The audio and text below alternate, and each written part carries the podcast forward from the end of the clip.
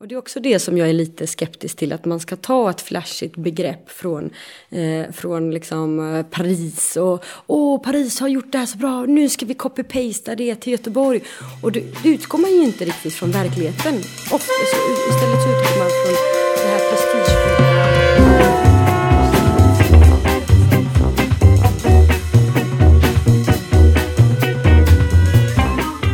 Cykelfrämjandet i Göteborg vill höja vardagscyklingens status på grund av cykelns miljö och hälsomässiga fördelar. På grund av att cykeln är en viktig del i att skapa ett effektivt transportsystem och inte minst för att cykeln är ett socialt transportsätt eftersom cykeltrafik förutsätter och möjliggör mänsklig interaktion. Många cykelvänliga städer vittnar om att förändring till det bättre kräver att modiga politiker vågar ta till tuffa åtgärder som kanske uppfattas som kontroversiella innan de är genomförda. Men som gynnat inte bara cyklister utan staden som helhet. Så med den här podden ska vi reda ut vilka ambitioner våra lokala politiker har för att göra Göteborg till en bättre cykelstad. Sådär, då rullar vi och jag säger välkommen till podden Växla upp. Blerta Hoti. Visst uttalar ditt namn rätt nu va? Ja, det funkar bra så. Um, vill du berätta lite om dig själv? Vad du, vilka politiska uppdrag du har och så här, vad du har för bakgrund? Jag är eh, oppositionsråd för, för Socialdemokraterna i Göteborg, det vill säga kommunalråd och sitter i kommunstyrelsen, men i opposition då. Och eh, då jag, i mina ansvarsområden så jobbar jag huvudsakligen med trafikfrågor och infrastrukturfrågor och eh, har även klimat och miljöfrågor på mitt bord eh, och idrott och föreningsfrågor och, och demokratifrågor och park och naturfrågor så att det är ganska högt och lågt och, och brett. Jag är också gruppledare för Socialdemokraterna i trafiknämnden då. Okej. Okay. Mm. Och eh, vi har precis satt oss här i rådhuset för att det var, det var lite blåsigt märkte vi ute vid eh, Packhuskajen där vi tog lite bilder. Stenpiren var det.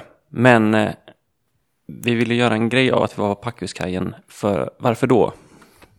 Ja, för att eh, jag tycker att eh, det är så viktigt med att vi får till en ny gång och cykelbro över älven som är ju en, en stor barriär för, för framkomligheten för göteborgarna. Eh, och eh, eh vi socialdemokrater la ett förslag om att tidigare lägga eh, eh, färdigställandet av en ny gång och cykelbro eh, till åtta år istället för att det skulle dröja ytterligare tio år från, från i fjol. Och eh, det, eh, det fick vi stöd från eh, Miljöpartiet och, och Vänsterpartiet så vi la fram ett sådant förslag gemensamt och fick genomslag för det i trafiknämnden där vi har majoritet.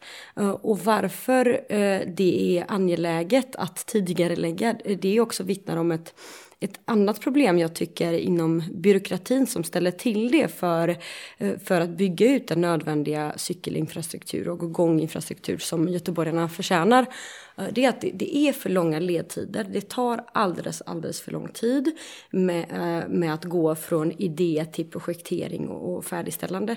Och detta beror såklart på en hel del juridiska eh, frågor. Alltså hanteringen av tillstånd och eh, överklaganden. Och, så den juridiska processen eh, i infrastrukturplaneringen för stan är väldigt lång och, och trög.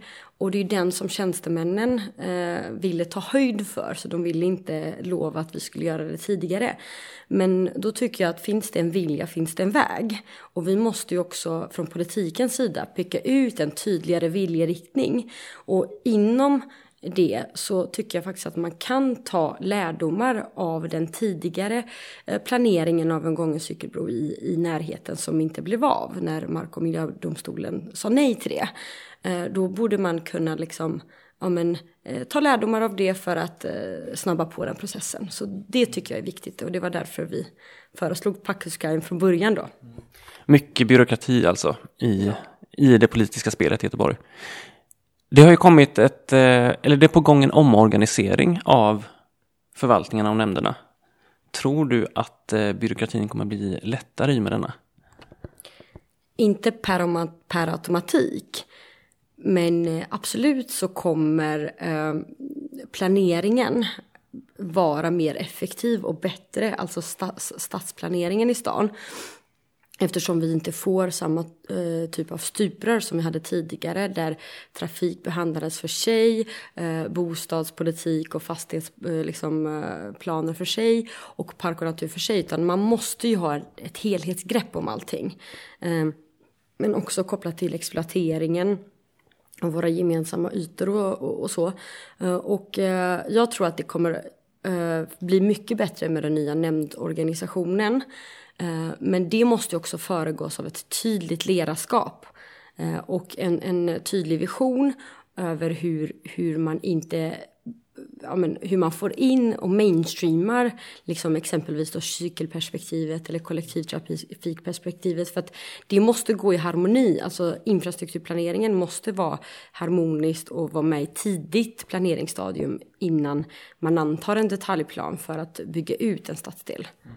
Det är ju någonting faktiskt som vi i Cykelfrämjandet har anmärkt på ganska mycket. Det här med att man planerar cykelinfrastruktur lite så kvarter för kvarter.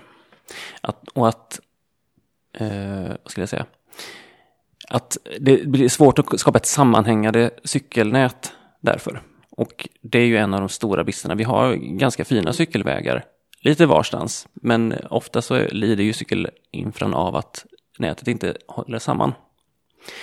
Och det hoppas vi att lite, lite smidigare byråkrati kanske kan eh, avhjälpa. Tror, tror du att det kan vara en väg framåt? Ja, absolut. Förutsättningen för bättre eh, infrastruktur men också bättre cykelplanering är ju den nya nämndsorganisationen. Men eh, vi ska inte eh, bara för att det blir en ny omorganisering förlita oss helt och hållet på det utan vi måste ju ha det politiska ägarskapet att eh, lyfta in de här perspektiven så att inte en cykelbana bara helt plötsligt stannar och så vet man inte riktigt var man ska ta vägen, att det är osammanhängande. Utan, eh, och det är så viktigt att inom ramen för den nya organisationen att det finns eh, ett tydlig eh, planering för cykel så att man får det här helhetsperspektivet kring hur cykelvägen trafiknätet ska hänga ihop på ett smidigare sätt. Men också i anslutning till kollektivtrafiken som är ju väldigt prioriterat att det blir också mer utvecklat. Mm. För, för förvaltningsbyråkrati är intressant men eh, kanske inte för den här podden just nu. Jag tänkte vi går tillbaka till lite mer praktiska frågor. Eh, men, jag tänkte att alla, alla frågor i den här intervjun tänkte jag skulle börja med apropå cykelbron mm. över älven. Och eh, då har jag en sån apropå här. Eh, för jag snackade med en annan eh, cykelfrämjarkollega om att Göteborg borde ha en cykelvänort någonstans i världen. Eller några stycken kanske. Ja, först och främst, tycker du, tycker du att det skulle kunna vara en bra idé? En, liksom en cykelvänort som man kan hämta inspiration från? Alltså, jag är lite trött på det här med att man blickar utåt och försöker kopiera hur det ser ut i Köpenhamn och, eh, liksom, och så ska implementera prestigefyllda eh, infrastrukturprojekt eh, från andra eh, städer till vår egen stadsdel. Jag tror att vi måste utgå från göteborgarna. Alltså oavsett om de bor i Hammarkullen eller om de bor i Majorna eh, eller på hissingen så måste vi utgå från deras behov och deras eh, behov av framkomlighet för att enkelt ta sig till, från A till B. Så jag tycker att vi ska fokusera på att, eh, på på att bli det bästa av vad vi kan bli utifrån våra egna förutsättningar eh, givet eh, de andra trafikslag som vi har i stan eh, och utifrån trafikstrategin eh, och eh, kring hur vi utvecklar framkomligheten och, och eh, trafiken för eh, kollektivtrafiken men också för cykel. Och andra trafikslag givetvis också. Men det blir, jag är lite rädd att det kan bli för mycket fokus på, ah, ja men de gör, i Amsterdam gör de ju det så himla bra, varför kan inte vi ha eh, liknande röda linjer liksom på våra cykelbanor, eller röda färger eller vad det nu kan vara. Eh, jag tror att vi måste utgå från våra egna förutsättningar som, som stad. Och, och försöker vi bli bäst i Sverige på cykelinfrastruktur. Um, men utifrån våra egna förutsättningar. Så jag, jag, är inte så förtjust i det här med vänort om jag ska vara ärlig. Nej. Nej, spännande. Jag glömde säga varför det här var apropå älvförbindelsen och det var ju för att den här vänorten vi eh, eventuellt vill kika på det är ju Rotterdam då, som har ganska liknande utmaningar som Göteborg i och med att Rotterdam är en stor hamnstad. Och faktiskt inte har, ur vad ska man säga, holländska mått mätt, mm. inte särskilt väl, eh, eller in, inte jättestor andel cyk cyklister. Bara inom citationstecken eh, 25 procent. Mycket bättre än oss ändå. Mm. Ja men eller hur. Mm. Eh, så apropå det, men okej, okay, ingen, ingen cykelvänort alltså? Från Nej, men däremot ska man ta inspel. Men med det sagt så betyder det inte att vi ska lägga ner en massa eh, av skattebetalarnas pengar på att skicka tjänstemän och politiker på lyxiga resor till, eh, till Rotterdam och vice versa för att uh, ta in de här inspelen. Alltså, uh, vi kan ju titta på vad som görs där. Uh, utan att behöva besöka dem fysiskt.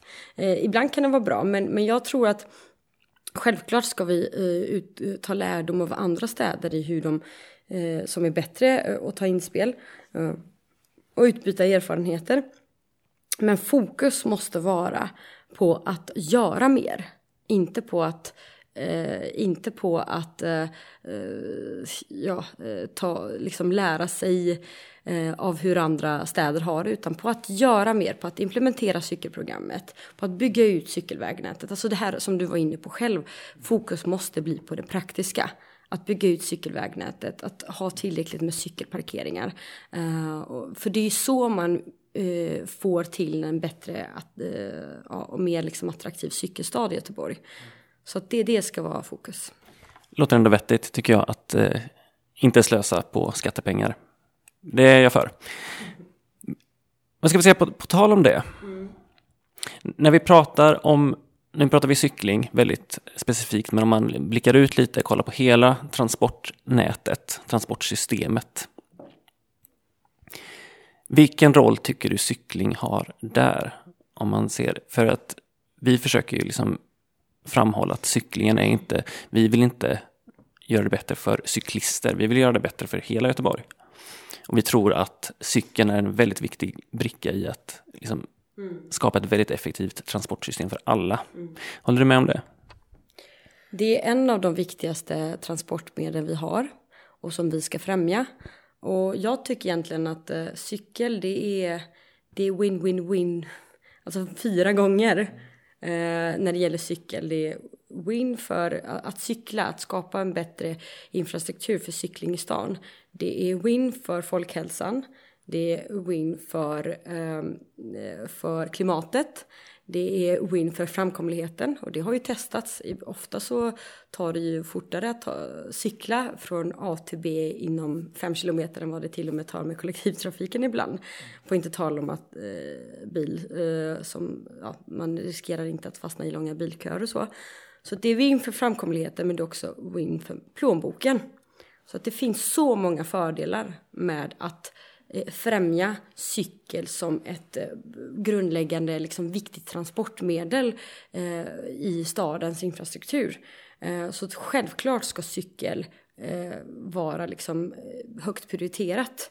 Men med det sagt så tycker jag att vi bör ha en tydlig liksom, transporthierarki som inte politiken har haft särskilt mycket på senare år. Och uh, uh, där skulle jag faktiskt vilja se att kollektivtrafiken ska komma högst upp på dagordningen. Och det är, och, och därefter så kommer det andra trafikslag. Cykel kanske kommer behöva uh, hamna på, på tredje plats för att vi har ju också godstransporter och, och, och annat. Och det är många kan inte cykla eftersom vi har liksom så mycket yta i vår stad. så kan man inte alltid cykla även om det, vi, fler skulle absolut kunna göra det. Eh, och varför jag tycker att kollektivtrafiken bör främjas i första hand, det är för att den är enormt eftersatt. Det är för dyrt och man får inte lika mycket valuta för pengarna eh, när man åker spårvagn eh, i relation till exempelvis Stockholm. Eh, och eh, sen, sen är det ju så att spårvagn och buss är ju mer yteffektiva, alltså de tar mindre utrymme. En cykel tar 9,7 eh, kvadratmeter i area tror jag det är, kvart, eh, för, för alltså en cykel, cykelvägnätet tar mer plats efter bilvägnätet. Eh, spårvagn tar, efter fotgängare så tar det allra minst eh, area samtidigt som man transporterar mest människor. Så att det är det mest kapacitetsstarkaste transportmedlet vi har och då ska vi lägga mer fokus på, på att bygga ut det. Eh, och sen efter det så kommer andra trafikslag, såsom cykel. Men mer ska ju göras för att prioritera cykel som trafikslag, absolut. Jag vet inte om jag håller med riktigt om det där med ytan. Eh, visst kan man, om man ser liksom på hur, hur stor, om man ser en sektion och hur mycket personer som färdas vid den, genom den sektionen kan man säkert räkna hem det på något sätt till kollektivtrafikens fördel. Mm. Men en sak som kollektivtrafiken eh, ligger back på, om man ska säga, mm. det är att den kräver väldigt stora fordon och därmed blir den väldigt sårbar. Hur tänker du då? Eh, jo, jag tänker att ja, men stoppar en spårvagn på spårvagnsnätet, om en spårvagn går sönder, då, då går hela, liksom, hela transportnätet bara st står still. Mm. Cykeln har ju den fördelen att man orsakar inte trafikstockningar och man drabbas heller inte av trafikstockningar. Så bara av den anledningen tycker jag att man kan säga att cykeln är så osårbar och därför ska vi ha en stor andel cyklister i Göteborg för att mm. så få som möjligt ska drabbas av trafikstörningar. Mm. Tycker du att det ligger någonting i det? Det kan eh, ligga någonting i det, absolut. Och det tycker jag själv eftersom jag cyklar dagligen. Eh, jag använder cykel själv som, eh, som det främsta transportmedlet. Eh, det är ganska skönt att, att slippa de här stockningarna. Även om det är irriterande ibland att stanna, eh, stanna på vissa trafikljus för att vänta in bilarna. Eh, men i det stora hela så är det väldigt skönt med att framkomligheten oftast är smidig. men det, det säger jag för att jag bor i stan. Jag har det privilegiet att kunna cykla eh, lite överallt. Men min pappa som kör buss eller min mamma som inte ens jobbar och bor i Lövgärdet som är 14 kilometer härifrån Alltså det är ett skämt att säga till henne att hon ska cykla någonstans istället för att åka kollektivt. Alltså undersköterskan i Biskopsgården kommer ha sämre förutsättningar att cykla till, till Salgrenska eller Mölndal eh, än eh, om hon skulle åka kollektivt. Och det, det är undersköterskorna, det är välfärdsarbetarna och det är många, alltså i det stora hela kapacitetsmässigt så är det ju större andel eh, göteborgare som inte kommer, även om vi bygger ut all infra bästa infrastrukturen eh, i ytan eh, och, och, cykelvägnätet så blir det ändå smidigare att åka spårvagn och då, måste, då, är det, då tycker jag att vi ska eh, ha längre spårvagnar, eh, öka framkomligheten för spårvagnar, se till att vi får Lindholmsförbindelsen eh, över älven ehm, och eh, bygga ut stadsbanan och parallellt med det bygga ut infrastrukturen för cykel. Men jag kommer inte prioritera cykel för, framför kollektivtrafik. Nej, okej. Okay. Klara besked. ja. ja. Nej, men eh, absolut. Eh, vad ska jag säga om det? Jo, att eh, Nej, men Göteborg är ju byggt. Det är ju väldigt glest. En eh, nordamerikansk stad brukar ju vår kära stadsarkitekt beskriva Göteborg som. Så visst, väldigt många har eller bor långt utanför liksom cykelavstånd in till centrum. Så jag, jag håller med dig där. Men för att liksom göra att Göteborg tar en ny riktning. Förtäta i centrala miljöer så att fler bor inom cykelavstånd. Vad tycker du om en, en sån idé? Alltså jag tycker att vi har ett större problem med att vi har inte förtätat och byggt ihop våra eh, förorter med resten av Göteborg.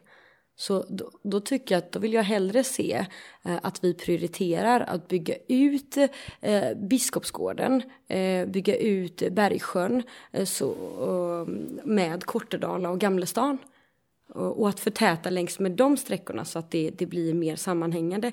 För just nu, många av eh, våra förorter har ju blivit eftersatta Eh, Eh, mycket också på grund av att man eh, färdigställde aldrig de här stadsbyggnadsplanerna som man hade eh, för några decennier sedan.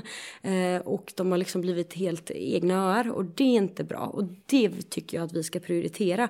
Men parallellt med att vi bygger ut, säg exempelvis då, vi socialdemokrater har ju lagt en motion om att bygga mer bostäder längs med Bergsjön och Kortedala och Gamlestan. Och vi vill ha en fin, fina gångstråk, vi vill bygga i klassisk arkitektur. Parallellt med det så vill vi också bygga ut spårvagnsnätet. Och vi har ju liksom stridit för att eh, ehm, eh långsiktigt bygga ut en ny spårvagnstunnel längs med Kortedala och Alelyckan som skulle förkorta resandet för den som bor i Bergsjön med hela sex minuter till stan. Så att alltså, bygga ihop Göteborg på ett sätt som hänger ihop, det är viktigare för mig än att förtäta mer i innerstan. Okej, okay. men eh, du tänker egentligen bara bostäder i de här stadsdelarna? Nej, inte bara bostäder. Alltså, För det ska det vara något... Mm. Det ska ju finnas jobb, bra skolor, bygga ut idrottsanläggningar eh, och eh, bättre cykelvägnät. Allting måste hänga ihop. Och varför inte skapa bättre förutsättningar för näringslivet och eh, mm, detaljhandeln eller eh, för kaféer eh, för att le ha levande stadsliv även, eh, även i Bergsjön och eh, Lövgärdet jag kommer ifrån eller, Bergsjö, eller Biskopsgården. Ja, för, för ett ledord som man har hört nu i den politiska debatten, det är den här 15 minuters staden. Tror du den går att förverkliga i de här, får man lov att kalla det för satellitstäderna som ju Biskopsgården och Angered, Bergsjön och så vidare är? Alltså, det här, vi har ju redan en 15 minuters stad för alla som bor i stan. Och det är också det som jag är lite skeptisk till, att man ska ta ett flashigt begrepp från, eh, från liksom, eh, Paris och åh, Paris har gjort det här så bra, nu ska vi copy-pasta det till Göteborg. Och det, det utgår man ju inte riktigt från verkligheten ofta så, istället så utgår man från det här prestigefyllda eh, 15 minuters stadskonceptet som, som någon an, några andra kommunpolitiker i andra städer runt om i Europa har. Och jag, det är samma sak där. Jag tycker att vi ska utgå från våra egna förutsättningar. Göteborg är en av de mest segregerade städerna, inte bara i Sverige utan i hela Europa. Det måste vara verkligheten och utgångspunkten. Hur bygger vi ihop eh, våra eh, ytterområden, socioekonomiskt eftersatta stadsdelar med eh, centrum. Hur förtätar vi? Hur skapar vi bättre cykelinfrastruktur, kollektivtrafik eh, eh och eh, levande städer? Alltså kalla det vad du vill, men för mig är det viktigast att göra det istället för att ha fina flashiga ord bakom. Men att bygga ihop Göteborg på ett sätt som eh, gör att vi får bort segregationen.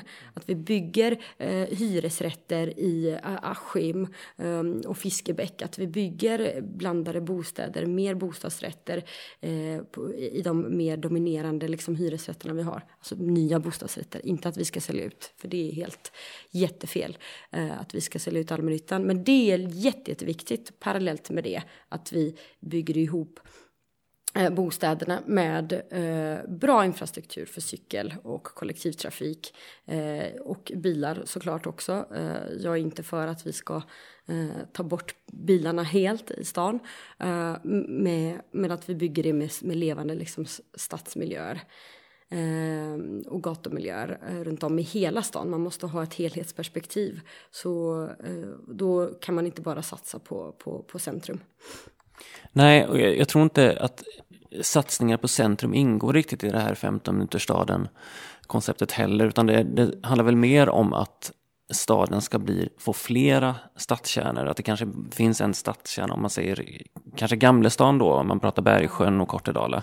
Att det blir en liksom, tung punkt i stan som nästan är likvärdig med ja, men, inom vallgraven till exempel.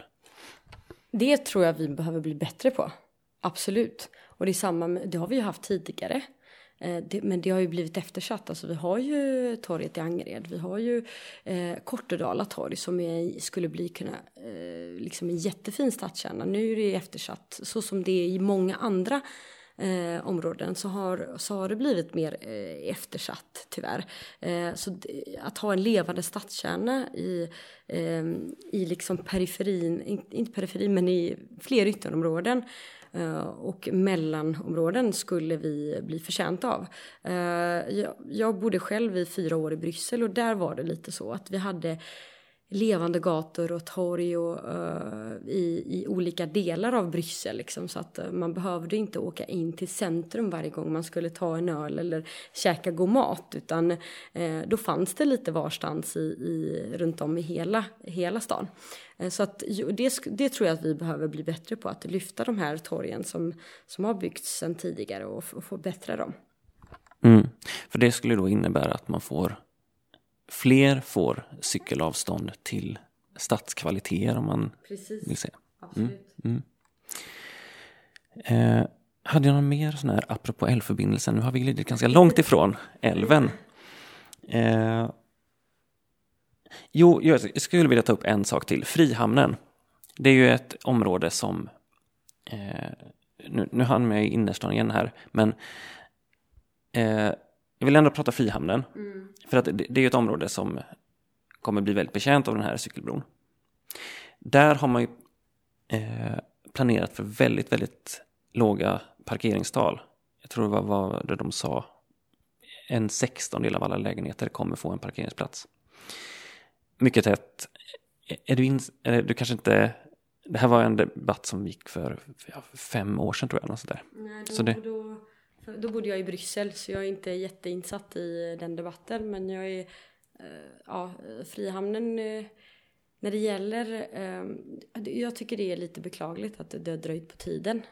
Att det liksom, det fördröjs, det fördröjs gång på gång över Frihamnen som är ett, alltså det är ett guldläge för att bygga fler bostäder på. Och kanske billiga bostäder också. För, för det är en sak att parkeringsplatser driver ju faktiskt upp byggkostnaden och förhindrar folk från att ja, men kanske köpa lägenheter. Men här kan man ju få en lägenhet då med premissen då att ja, men du kommer inte kunna ha bil här, men du kommer kunna bo ganska billigt ändå. Eh, här tror jag att man måste ta höjd för framtidens eh, behov av eh, eh, transportmedel som, där ägandet inte kommer att vara lika viktigt. Att äga en bil, det är bara egentligen dumt eh, att, att äga en egen bil även idag när eh, den står, eh, vad är det, 93 procent av tiden så, så, så eh, står den eh, på sin parkering. Så att, och det här har ju bäring på också på Eh, det här liksom eh, buzzwordet delningsekonomin, alltså hur vi främjar ett, eh, ett, ett kretsloppssamhälle och det tror jag väldigt, väldigt starkt på genom att man skapar fler ehm, delningstjänster, alltså att man främjar ett näringsliv som, som, har, som erbjuder allt mer delningstjänster, framförallt kopplat till bilar, men också cykel. Om man behöver ha en större cykel än den man använder sig av, då ska man kunna enkelt använda sig av en, en, en delnings en cykelpool så att säga. Och då behöver man ju inte, det skulle ju underlätta om vi hade fler bilpooler, vilket jag tror starkt på att det kommer att växa, så eh, behöver man ju inte bygga eh, lika mycket för att varenda bostad ska ha sin egen parkering. Det var lite det jag ville att du skulle svara också. Och jag, och jag vet ju att ni har faktiskt, eh, när jag läste er politiska plattform nu inför den här intervjun så såg jag att ni har ju en eh, punkt om just bilpooler och att ja, men, eh, fordonspooler kan man väl kalla det för. Mm. Elcyklar och bilar. Men vad kan, vad kan politik, politiken göra för att främja bilpooler? Ja, eh, det är, eh, det, alltså vi måste ju någonstans ha ett helhetsgrepp här. Och eh, vara ägare i framtidens utveckling av infrastruktur också kopplat till det som erbjuds från, från, från näringslivet. Eh, vi kan samverka mer men vi måste ha ett större, tydligare strategiskt tänk för hur vi kan eh, främja eh, fler eh, bilpooler och det görs ju redan. Alltså, eh, men grunden för det, det är att vi har våra kommunala bolag i kommunalt regi såsom parkeringsbolaget. Att man inte verkar för att privatisera det. För då tappar vi rådigheten från polit politikens sida, alltså från demokratins sida, att styra eh, infrastrukturen eh, och transportmedlen mot, mot, vårt hållbara samhälle. Så det, det är basen. Att eh, Trafikkontoret i samverkan med, det kan vara med, tillsammans med BRG som också är, är, är liksom offentligt ägt, alltså Business Region Göteborg.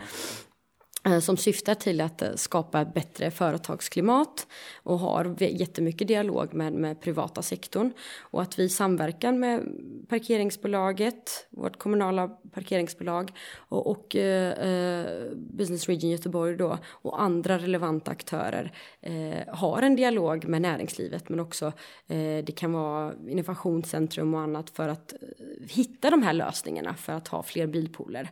Ehm, och det kan ju vara också etableringen av nya jobb. Alltså vi har ju en fantastisk utveckling eh, när det gäller eh, att komma bort från fossilberoendet med etableringen av batterifabriken, alltså som kommer få eh, innebära nya gröna jobb.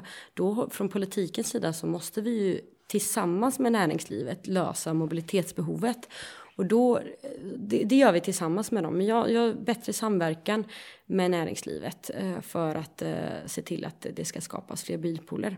Sen vill jag säga också att idag har du ju många fler bilpooler i stan. Det är inte eh, på, på den privata sidan eh, som har etablerat sig nyligen. Eh, och eh, mer tror jag kommer komma, men då är det viktigt att från stadens sida ja, men att vi skapar ett bra klimat för det och att det blir användarvänligt och att göteborgarna känner till de här bilpoolerna eh, som finns. Mm. Men, men tror du att, eh, du pratade om eh, parkeringsbolaget, alltså eh, Göteborgs stads mm. bolag. Du tror att de har en roll att spela i det här Absolut. ändå?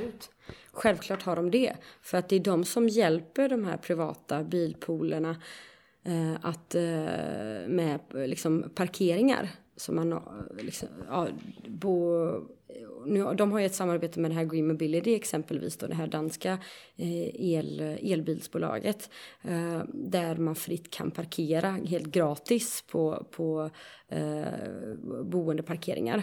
Eh, och eh, det är ju ett samarbete med, mellan en enskild bilfirma och parkeringsbolaget och parkeringsbolaget har ju avsatt också separata parkeringar eh, som vi äger som andra eh, bilpooler eh, hyr då för att kunna eh, ja, eh, så att tillgängliggöra dem för, för göteborgarna. Mm. Nu har vi glidit ifrån mm. cyk ämnet cykel ganska ordentligt men eh, det är lite poängen också att vi försöker få ett cykelperspektiv. Allt hänger ihop. Ja, allt hänger ihop. Jag brukar fråga alla om de har något litet brandtal. Du har pladdrat på ganska bra här ändå. har du något, något, något slutord? För jag tänkte att vi försöker runda av lite. Nej, men det slutordet är... När jag tänker att eh, när vi från stadens sida eh, eh, ska främja cyklandet i stan så måste vi tänka på de här fyra winnen. Alltså varför ska vi bygga ut en bra cykelinfrastruktur för göteborgarna? För att det är win för göteborgarnas folkhälsa till skillnad från andra trafikslag. Det är win för göteborgarnas plånbok för att det kostar mycket mindre än andra trafikslag. Det är win för klimatet och det är också win för framkomligheten. För alla transportslag, eller hur? ja, man avlastar ju bilnätet också, för ska man inte glömma bort. Så det var ju väldigt kostnadseffektiv åtgärd. Absolut. Mm. Jag ska avrunda intervjun. Tack så jättemycket för att du var med i podden Växla upp. Jag tror jag får klippa lite ändå. så alla partier får ungefär lika många minuter taltid. Du har pladdat på jättebra. Tack så jättemycket. Det var, ju så, det var så givande att, att få prata med dig om eh, hur vi ska främja cyklandet. Så jag tackar också från min sida. Tack.